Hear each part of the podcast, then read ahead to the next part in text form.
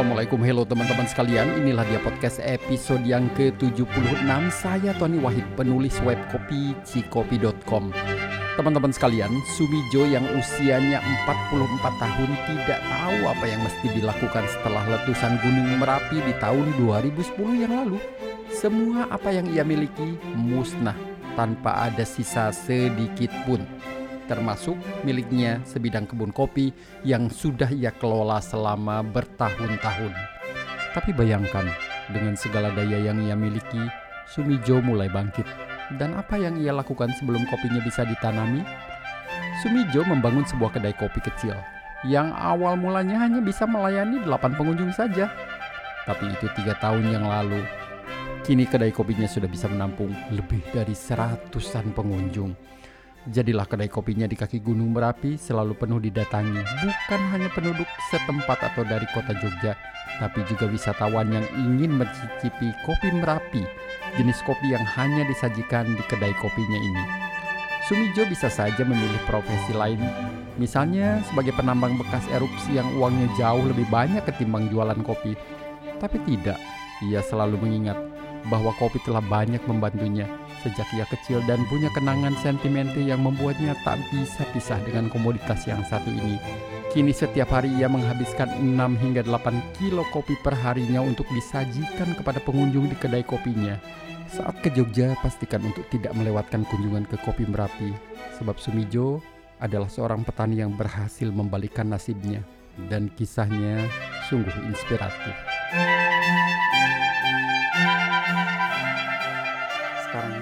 Jam setengah delapan dan cuaca di sini mungkin berapa derajat ini? 20-an? 21 22 eh Iya. enggak enggak. Ya, tapi lumayan pokoknya dingin Iya. sekali. Dan saya salah kostum tidak membawa jaket. Eh. Nggih, nggih. Gitu Pak Samijo. Hmm. Kegiatannya sehari-hari apa nih? Tadi saya udah ke apa? Kopi Merapinya. Iya. Nanti kita cerita. Tentang- Kegiatan sehari-hari ya ini nekuni warung kopi Merapi yang sebelah sana. Iya. Terus kalau yang area sini ini eh, nanti ke depannya untuk kami pakai untuk eh, wisata kopi Merapi. Wisata ya Pak ya. Ya, jadi ada kebunnya, ada pengolahan kopinya di sini, terus ada kedainya juga, terus bisa camping, Bisa camping juga bisa Pak. camping, dah Ya. kami siapkan, terus kemudian bahkan ke depannya eh, bisa untuk glamping juga, Glamping. ya, Glamour camping. iya, Nah, mungkin buat saya Pak ya yang tua ini yang glamping saja. ya.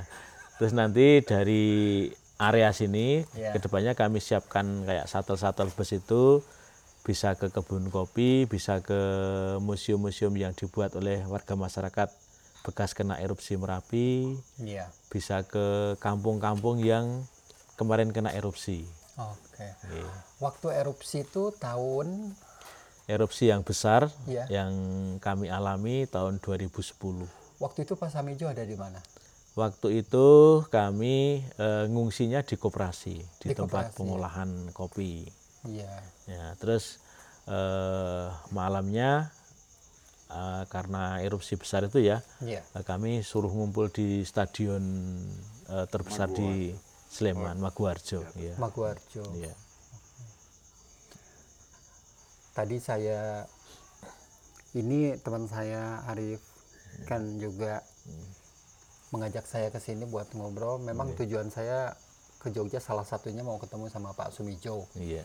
Iya, ingin tahu lebih banyak selain tadi tentang kopi Merapi, juga tentang aktivitasnya di perkebunan kopi. Iya, iya. Nah, coba Pak ceritain itu berapa luasnya, apa yang ditanam. Monggo Pak. Oh ya. Jadi eh, aktivitas kami selain eh, apa buka kedai kopi ini ya, Iya. kami eh, punya kebun kopi juga. Terus kami menghimpun petani kopi yang ada di lereng Merapi, terutama yang Kabupaten Sleman. Kami himpun dalam koperasi. Terus koperasi salah satu bidang usahanya yang eh, utama adalah pengolahan kopi. Berapa banyak petaninya Pak? Petaninya itu kalau yang sudah resmi daftar jadi anggota koperasi Iya. itu baru sekitar 50-an 5. Dan masing-masing punya lahan berapa luasnya? Kalau Kira-kira. kalau di rata-rata ya sekitar 3000 meter persegi yang petaninya. Jadi tinggal dikalikan saja yang begitulah Ya. luasnya ya Pak ya. Tapi eh, di luar anggota koperasi juga eh, banyak yang store kopinya ke tempat kami.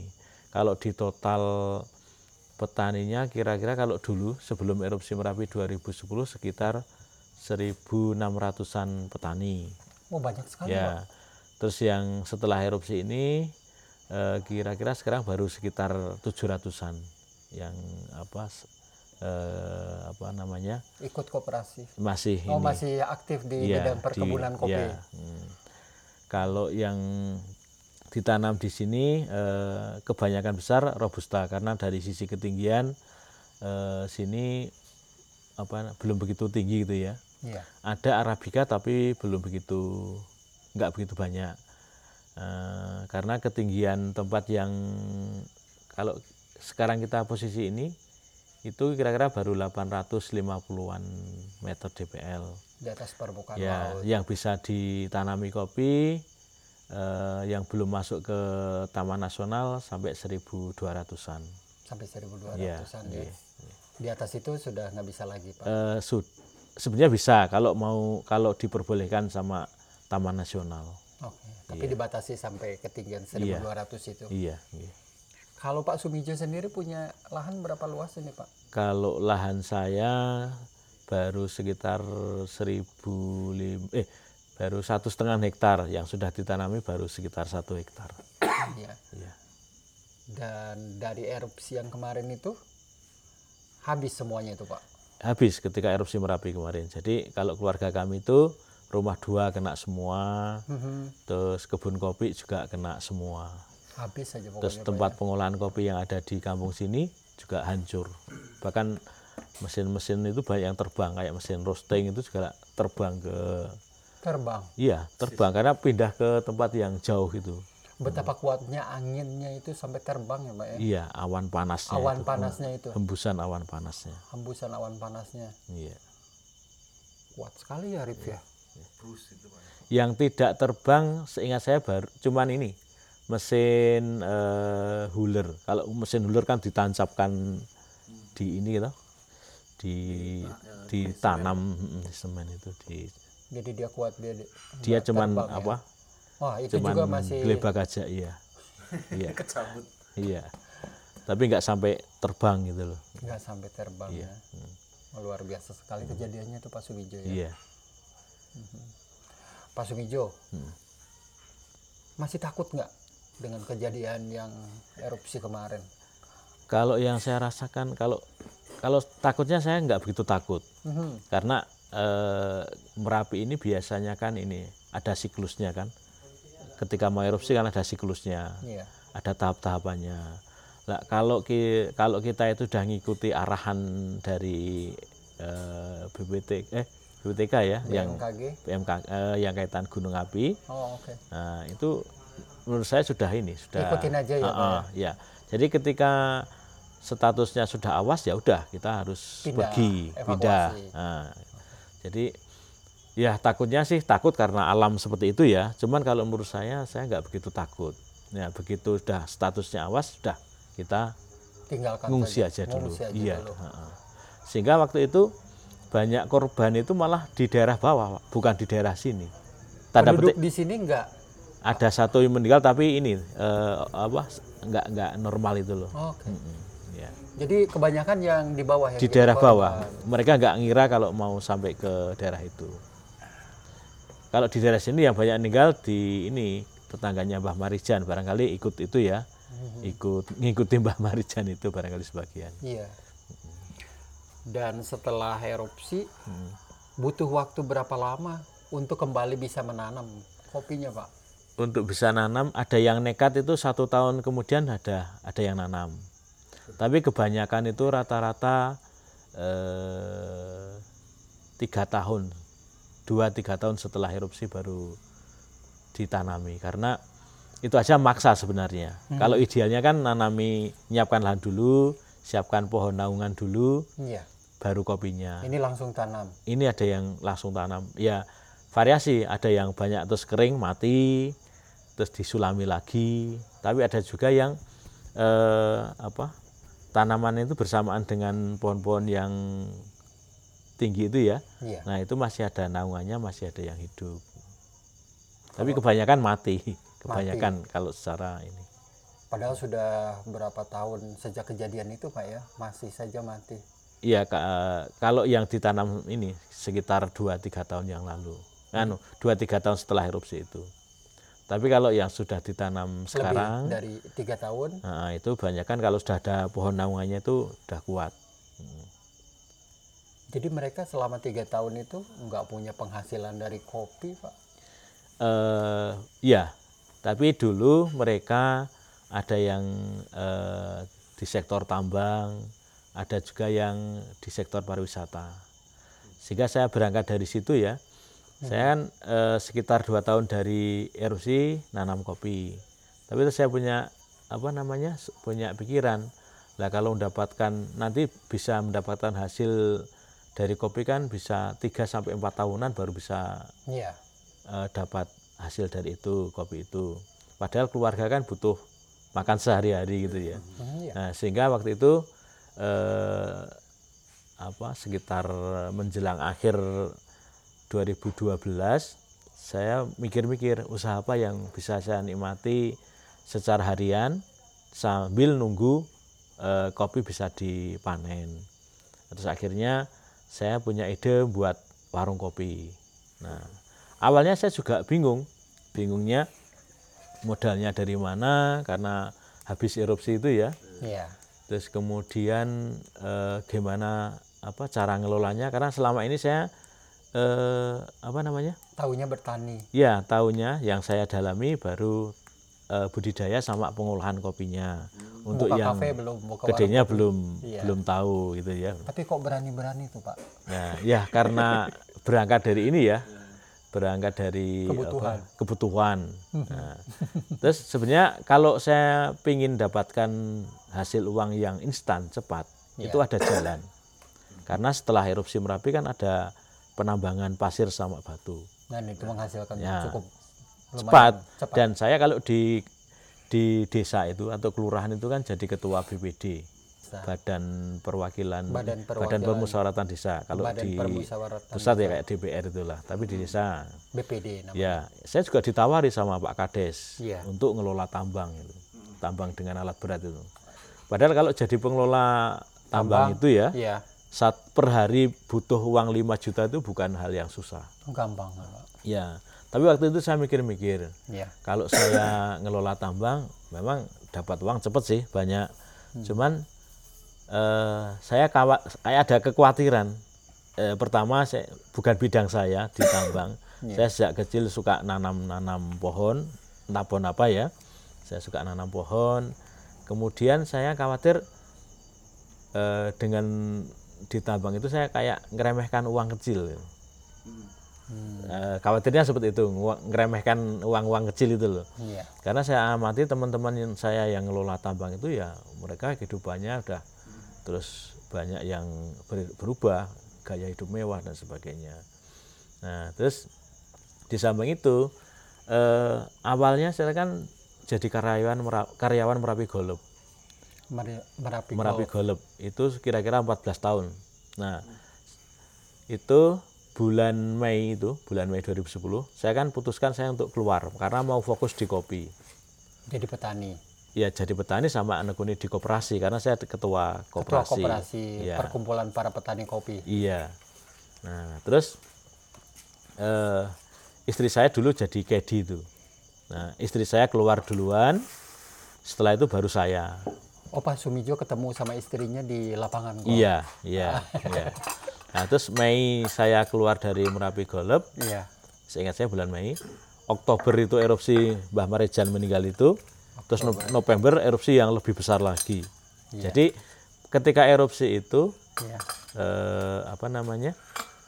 Ketika erupsi itu ibaratnya eh, ini eh, apa namanya? Dah rumah dua kena semua, Mhm. Pekerjaan yang saya tekuni 14-an tahun saya tinggalkan. Tinggalkan. Ibaratnya nggak punya pekerjaan. Nggak punya apa-apa. Iya, kebun juga hancur, rumah dua hancur. Iya. Koperasi yang mau saya ibaratnya saya perjuangkan juga kena dampak erupsinya. Nah, sehingga eh, dari situ Saya sambil minum ya, Iya, monggo, ya.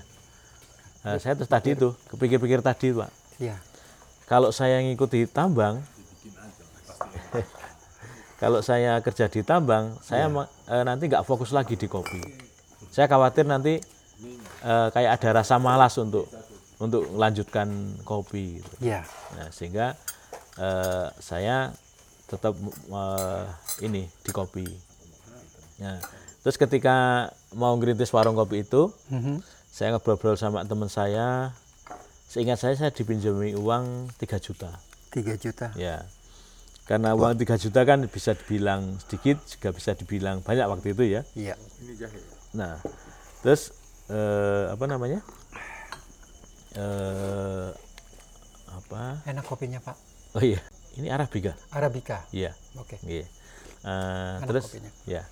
Terus saya segera ini bangun warung kopinya dengan modal yang tidak banyak itu Yang 3 juta itu ya. Terus saya kumpulkan puing-puing bekas rumah yang kena erupsi dijadikan apa itu waktu itu? untuk warung kopinya itu. Yang di- bangunan itu. Iya. yang tadi kita lihat ya. Iya. Awalnya kira-kira tempat duduknya kapasitas 8 orang. Awalnya cuma 8 Iya. dan Supir luasnya truk aja, supir truk aja ya bang. iya. Oh, yang waktu pertama datang Anu, kapasitas Supir-supir. tempat duduk iya, awalnya dulu supir-supir truk itu sebanyak pada ngopi di sana. Iya, iya. Harga jual berapa waktu itu, Pak? Sumijo? Eh, Robusta 5000, Arabica 7000 seingat saya. Iya. Iya. Bisa nggak Rip? Jualan di Bandung? Hitaman nggak Iya, pakai hitam. susu Oh, ya. yang hitam. Oke. Hmm. Nah, terus eh, apa namanya? Eh masalah kedua eh, pertama sudah ya. Masalah nomor dua eh, ini cara ngelolanya tadi. Nah, saya sebelumnya kan Mengelola kafenya atau warung kopinya ya. Iya, sebelumnya se- itu kami ini gerintis desa wisata kopi di kampung ini. Desa, wisata, Petung. kopi. Nah, terus ketika ada kunjungan tamu agak banyak, Ya. itu listriknya kan nggak kuat. Oh, oke. Nah, terus- Jadi mati lampu. Ya, terus saya tiba-tiba punya ide, dah kopinya direbus saja. Saya nyuruh ibu-ibu itu pakai panci besar itu, kopinya direbus. Nah, setelah pulang itu banyak eh, tamu komentar kopinya enak, kopinya enak gitu loh. Saya nggak tahu itu memang jujur karena enak atau cuman basa-basi aja untuk Atau kena didukung oleh suasana. Iya.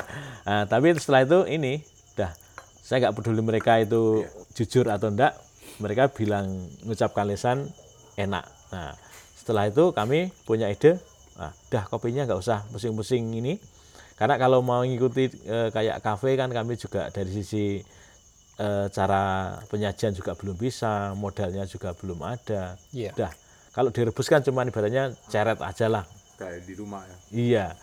Eh, terus kami pakai metode itu. Alhamdulillah eh, apa pengunjungnya dari Tambah banyak. hari-hari semakin tambah. Dari 8 kapasitas jadi berapa? Nambah banyak. Terus kami bisa nambah satunya lagi itu pakai seng itu ya. Seng aja seng ini bekas shelter. Ketika ngungsi kan dapat rumah gede gitu, Pak. Iya. Atas atapnya seng itu. Iya. Itu bisa nampung kira-kira 20-an lima orang. Nambah lagi ya, Pak Ya. ya. Dari 8 tuh jadi 25. Ya, setelah itu berani pinjam uang 10 juta. Wah. setelah eh, apa ini Semangat pak ya. lunas itu Oh, lunas. ya, ya. terus pinjam 10 juta nah setelah itu kami upayakan eh, apa nggak pinjam uang lagi tapi memutar mutar uang dari situ Ya. jadi hasil dari warung itu kira-kira 30% bi- baru kami ambil untuk kebutuhan rumah tangga Selebihnya 30% kami untuk ini modal lagi bahan baku dan sebagainya. Terus 30% kami pakai untuk pengembangan warungnya. Kayak tempat duduknya dan sebagainya. Terus yang 10% kami pakai untuk eh, promosi. Nah, kami upayakan kami memakai oh, mutar dari situ Iya. banyak tawaran eh, pinjaman bahkan ada yang mau ini mengajak investor ya. investasi ya temennya yang punya kastil itu Iya. berulang kali nyari saya tapi eh, saya mau ini ko- komitmen eh, usaha ini kami pakai untuk usaha keluarga Arif dari 3 juta 10 juta Hmm. Nggak tahu sekarang berapa ya. nah, kemudian setelah 10 juta bisa kapasitasnya bisa menampung berapa banyak sekarang? itu bisa tambah kira-kira jadi sekitar eh, hampir 100 lah Pada saat full banget ya, ya penuh ya, sekali. ya 100. ya terus setelah itu eh, kami perlebar lagi bahkan ada yang ini eh, yang apa konsep di luar atau outdoor itu cuman ini pakai batu-batu terus mejanya batu Tadi yang di gelap-gelap itu batu-batu sama meja kursi. Iya. Terus- Terus Mijo ini kreatif ya, Pak, kursinya juga batu gitu terus bangunannya juga ini pohonnya eh apa pakai kayu-kayu kayak gini ya? Iya. yang ah, yang murah waktu itu Iya. karena ketika erupsi merapi itu ini eh, pohon yang tumbuh awal-awal itu pohon akasia dekuri. Kalau bahasa di sini sogo gitu ya. Iya. nah itu kebanyakan dulu di lereng merapi. Nah bijinya itu akan apa kayak kecambah kalau ini kebakar biasanya. Mudah kecambah setelah kebakar. Sehingga perkiraan saya eh, biji-biji akasia, akasia dekur itu kena hembusan awan panas sehingga sampai di daerah sini juga terus tumbuh nah terus cepet ini cepet besar cuman biasanya cuman sekitar 10-an tahun kalau akasia dekur ini. mereka terus mati Dan itulah bahan yang digunakan untuk kebanyakan iya Oke. Kemudian yang disajikan apa saja nih Pak Sumijo di sana? Kopinya apa saja? Iya. jadi Makanannya oh iya. apa? awalnya kalau kami komitmen tetap kopi merapi ya lah istri Yang dari sini ya. Ya, tapi istri saya kan ini eh, apa? Awalnya itu buka rentengan kopi-kopi sasetan pabrikan itu ya. Oke. Nah, kalau ada saya, saya ambil, saya sembunyikan. Oh gitu. Konsisten. Iya, Kalau ada itu digelar lagi. berulang kali itu. Oh gitu. Sampai Iya. akhirnya. Akhirnya ngalah terus, istri. ah, ya istri ngalah. Ah, ya kalau gunting soalnya pak. Iya iya iya. ya kalau ada yang eh, bilang pesen ya dilayani yang Tapi- selain kopi merapi. Iya. Kalau nggak ada yang pesen merek tertentu, udah tetap kopi merapi aja. Terus lama-lama ya hilang itu yang kopi kopi pabrikan sasetanan itu. Jadi sampai saat ini kopinya dari Merapi Kopi merapi aja. Hanya itu ya. Iya. Tidak ada kopi yang lain. Eh, kalau yang di sini kami tetap pakai kopi merapi. Tapi Oke. kami punya cita-cita nanti di tempat lain barangkali ada Iya. ada kayak kopi Nusantara tuh. Nah, rencana kami yang sini ya, Iya. yang tempat ini, yang Kali Petung ini rencana nanti dulu awalnya eh, kalau yang sana khusus kopi merapi sini ada beberapa pilihan. Tapi teman-teman ada yang nyarankan jangan Pak Sumiso tetap pakai kopi merapi aja. Jadi- kalau cara penyeduhan beda boleh, tapi kalau kopinya tetap merapi aja ya. Sementara kami pakai sarannya teman-teman itu. Dan ini tempat yang seperti pendopo ini jaraknya nggak terlalu jauh ya Pak ya? Iya. Dari tempat kopi Merapi. Iya, Iya yang pertama. iya. Oke. Dijual berapa Pak di sana per gelas kopinya? Kalau sana sekarang robusta 6.000, arabica eh, 8.000. Kalau pakai susu tambah 2.000. Kalau yang sini dah eh, sementara paling mahal 15.000. Paling mahal Yang ya, pakai fisik itu. Yang Merapi sisi utara. Iya. Kan ada sisi utara, selatan, tenggara. Itu 15.000. Kalau yang sisi selatan itu kami jual 12.000. Dan Kalau yang pakai direbus eh, apa hampir mirip sana. 7.000 sama 9.000 kalau nggak salah. Sehari bisa berapa kilo tuh Pak Sumijo kalau saya boleh tahu? Kalau se- Kira-kira. sebulan kan kira-kira itu kebutuhan yang untuk nilai nominal uangnya itu ya. Itu rata-rata kan 20-an 5 juta untuk bahan baku kopi. Itu berarti kan sekitar 10 kilo lah kira-kira. Per hari. Iya. Di kalau di rata-rata. Karena ada ini ya, ada weekend sama bukan weekend. Kalau Weekend yang lebih banyak. Iya. Kalau kalau di kalau hari biasa mungkin ya cuma sekitar eh, mungkin sekitar eh, 5 kilo eh, sekitar 6 kilo lah. Ya, bentar Arif cemburu nih, Pak. kalau yang pas pas weekend bisa lebih dari 10 kilo. rata-rata. Mas Wijo belanja kopi 25 juta. Eh, ya itu aja kan harga kula ke Ya, itu koperasi ya. rata-rata ya. Iya. heeh. Kita 25 juta omset satu ini sebulan omset tahun ini bukan belanja. Omset ya. iya. Selamat ya Pak Iya, Sumijo. makasih, Pak. Nah, ini contoh bagaimana petani yang sungguh bisa berpikir ke depan, Rip. Ya, konsistennya itu juga Om Tony kan. betul. Jadi ketemu jalannya Ketemu jalannya. Bayangkan saja, tadi kan kita udah tahu nih dari Pak Sumijo, tidak punya apa-apa habis ya Pak ya? Ya ibaratnya seperti itulah ibaratnya. Nggak ada apa-apa, udah keluar dari ke- pekerjaannya yang sudah mapan. Ya dulu sama Pak CM saya kan agak sering didekati, mau dipromosikan dan sebagainya. Bahkan saya ditawari teman saya eh, ketika apa ini untuk jadi guru. Harapannya nanti tahun depan diangkat PNS itu. Itu saya nggak mau karena saya bayangkan bayangkan kalau jadi PNS kayaknya ini nggak bebas itu dia. Hmm, Ya. Tapi eh, kenapa tuh Pak eh, memilih kopi Pak?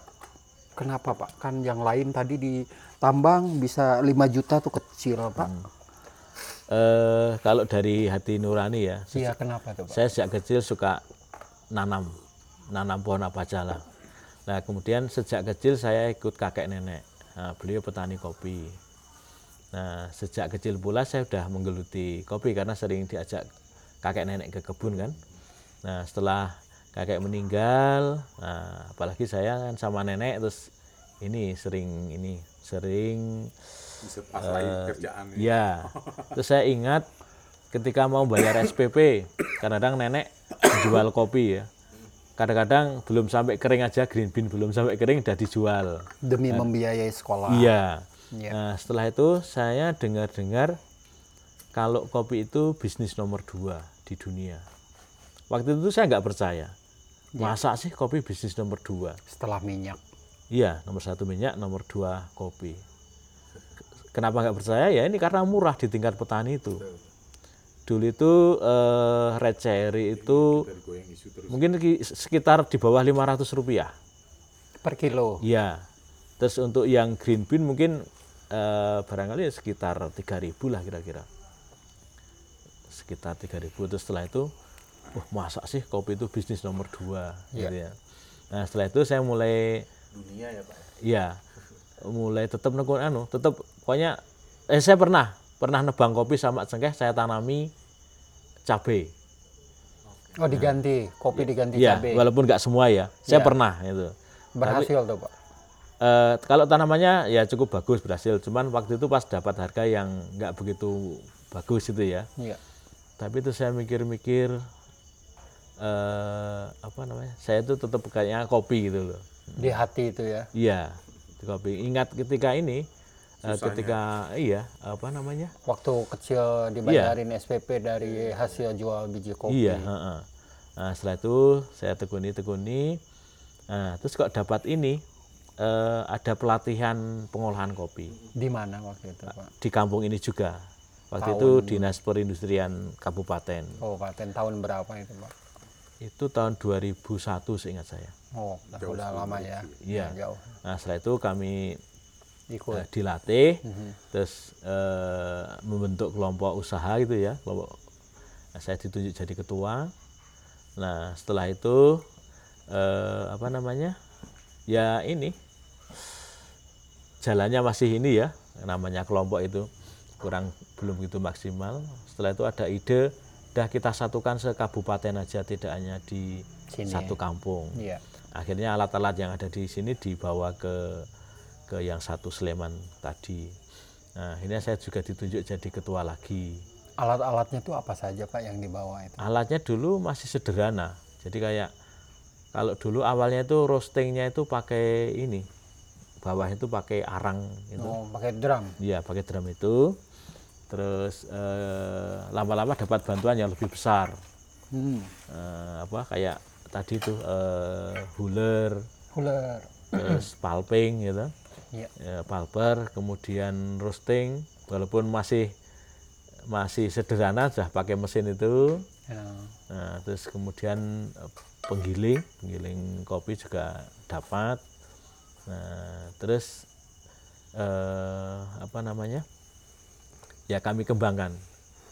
Nah, terus kemudian eh, Masih ada alat-alatnya itu Pak di sebagian sebagian sudah ada, ada, sebagian sudah ini hancur itu. hancur karena erupsi. Ya. Iya.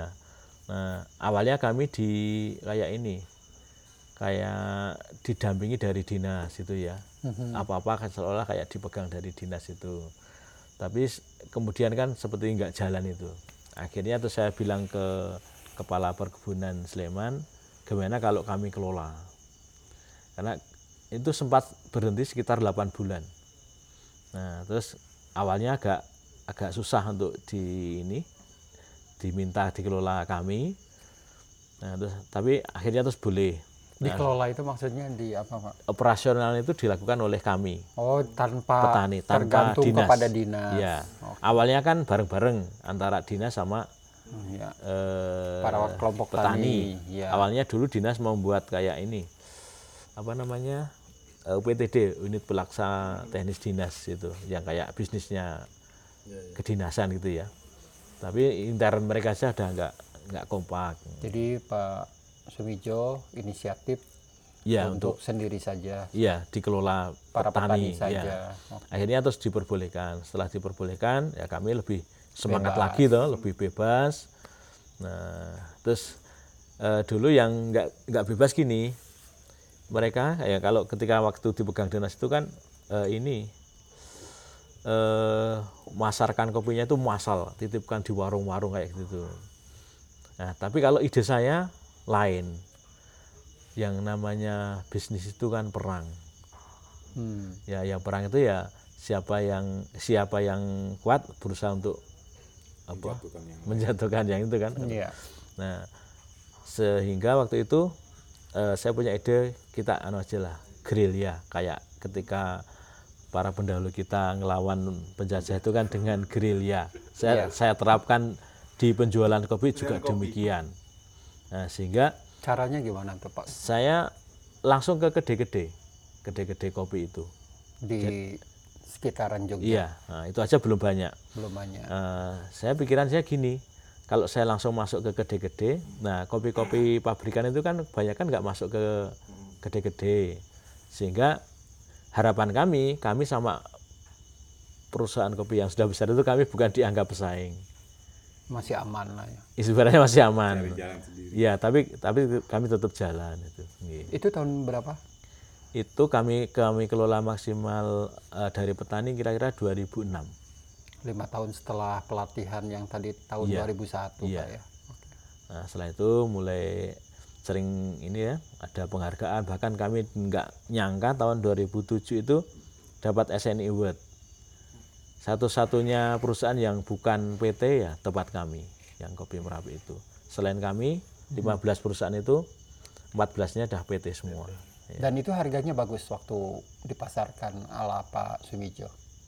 Lumayan. Nah, awalnya ini kopi Merapi kami jual murah. Hmm, Nah, dengan harapan kalau jual murah itu banyak yang tertarik. tertarik kopi. Ternyata lain. Banyak malah yang wah kopi kopi murni masa murah gitu mah banyak yang nyangsikan itu loh. Iya, iya. Nah, setelah itu ya malah kami jual agak mahal sekalian aja. Bagus dong, Tapi ya. politisnya eh, apa eh, apa namanya kualitasnya ditingkatkan. Iya. Alhamdulillah setelah kami jual agak mahal itu malah banyak yang tertarik. Tapi eh, ngomong-ngomong saat ini setelah erupsi sudah berapa banyak berapa kali panen nih Pak di sini? Jadi ke- setelah erupsi itu 2015 sekitar 2015 sudah mulai ada yang panen walaupun sedikit-sedikit. Walau- Walaupun sedikit ya. Ya, heeh. Kalau di 2019 ini 2019 sudah mulai banyak sudah mulai hasilnya. banyak. heeh. Satu hektar bisa berapa ratus kilo tuh Pak? Kalau di Merapi ini masih rendah sekali. Hmm, Itu masih angka 500-an. sekitar 600-an. 0,6 berarti. Masih jauh dari eh, anunya green bean-nya. Oh, green bean ada Iya. green bean. 600 Oh. Ya. ya. 600 kilo, Pak. Karena ini kami mengajak teman-teman eh, apa namanya? eh apa namanya? Dikelola dengan organik. tidak menggunakan pestisida sama sekali Iya, pupuk organik iya. Bahkan ada yang nggak dipupuk, ibaratnya ngandalkan dari alam alam aja. Tapi mungkin 600 itu hanya punya Pak Samijo aja Pak. yang lain mungkin ada yang lebih Yang di tinggi Kali Kuning itu punya siapa Pak Samijo? Kali kuning miliknya eh, kelompok atau bukan? Yang masuk setelah jembatan lurus ke bawah selatan itu mirip gereja atau apa mirip misi atau Koperasi itu. operasi apa itu? Heeh, koperasi. Pengolahnya di situ. Heeh. Sama Pak Samijo juga. Iya. heeh. jadi Pak Sumijo ini mengepalai kelompok tani yang ada di sini Gunung Merapi ya Pak Ya, ya ketuanya sementara saya Nih. dari awal dirikan koperasi. sampai sekarang Nggih. Senang Pak ya tadi ke warung kopinya banyak anak-anak muda yang datang Iya. walaupun akses jalan mungkin masih ada yang berbatu tapi mereka mau ya Pak ya Iya. jauh-jauh Nggih. datang dari kota ke sini Mm. Ini sekarang udah agak bagus. Kalau dulu lebih parah lebih lagi. parah lagi oh jadi yang tadi itu udah bagus Karena eh, kalau dulu udah jelek, gelap gitu ya. Mhm. Hmm, tapi kafenya setelah tadi supir datang, ibu-ibu ada yang datang, berapa lama tuh kemudian banyak dikenal oleh masyarakat di sini? Seingat saya itu setelah eh, tiga tahun. Setelah tiga tahun, Ya. mulai banyak dikenalnya, Iya. nggih. Boomingnya. boomingnya. Setelah tiga tahun, Nggih. Terus lama-lama yang sopir truk tadi Hilang. enggak ini. oh Banyak kan enggak hampir. iya. Jadi anak-anak muda sekarang banyak ya di sana. Nggih. Anak muda kadang-kadang ya ada bule juga. Oh bule juga ya, datang. kadang eh, apa ya dari luar kota. heeh. Lewat nanti. Iya ya. Puncak itu eh gunungnya sebelah sana ya, Pak? Iya, sebelah utara. Berapa kilo lagi itu Pak ke Sekitar tempat 7 kilo kalau dari puncak di sini. Kalau ke puncaknya. ke Puncaknya. puncaknya 7 Iya. kilo. Iya. 25 juta belanja kopi per bulan. Pak Sumijo itu bukan jumlah yang kecil ya. Nggih, sebetulnya nggih. Nggih. Senyum. Gabungan berapa coffee shop di bawah, Pak? Belanja kopi dulu. Iya. Terima kasih kesempatannya untuk Iya, sama-sama. berbincang-bincang Nggih. Pak Sumijo. Semoga nanti ada proyek lain. Nggih. Semoga semakin banyak dikenal Iya, amin. kopinya. Terus PR kami ya ini eh konsep kami kan hulu hilir. Jadi petani punya kebun, terus petani kami himpun di koperasi sehingga petani itu punya pabrik ya terhimpun dalam koperasi tadi. Nah, semoga nanti eh, pabriknya dijatah besar sama yang maha kuasa. Iya. Jadi apa namanya? Saya seneng punya cita-cita apa? Semoga nanti petani itu banyak yang kaya, yang makmur lah, Iya. yang makmur. Iya, seperti Pak Sumijo ini. Amin. Jadi kayak apa namanya? Ya semoga mem- bisa membuktikan bahwa kopi itu bisnis nomor dua di Betul. dunia itu. Kan Pak Sumijo sudah membuktikan bagaimana dari ketiadaan apa-apa dengan pikirannya bagaimana ini berusaha berbisnis. Ini dari seorang petani. Nyari Terus eh, apa? Kalau yang warung sana sekarang yang kami suruh ngelola istri saya. istrinya. Yang awal awal awal apa namanya awal karyawan pertama kali ya istri saya yang ya karena istrinya mau gaji orang lain kan waktu itu belum ini dah betul. belum mampu atas istri Iya. saya eh, saya jadikan karyawan waktu itu ya kami gaji karena kami mau Oh, la- latihan profesional mau kami mau profesional Betul, betul, betul. Nah, walaupun Walaupun sedikit, istrinya digaji. Iya. Iya. awalnya kami gaji 100.000 ribu per bulan Mau Pak istrinya. mau Mau ya. Nah, Iya. Itu saking cintanya Pak. terus saya Hmm. lebih ya belum tentu kalau saya naik ke warung yang sana itu ya Iya. Saya seringnya lebih banyak di sini karena ini baru ibaratnya ngawali Iya.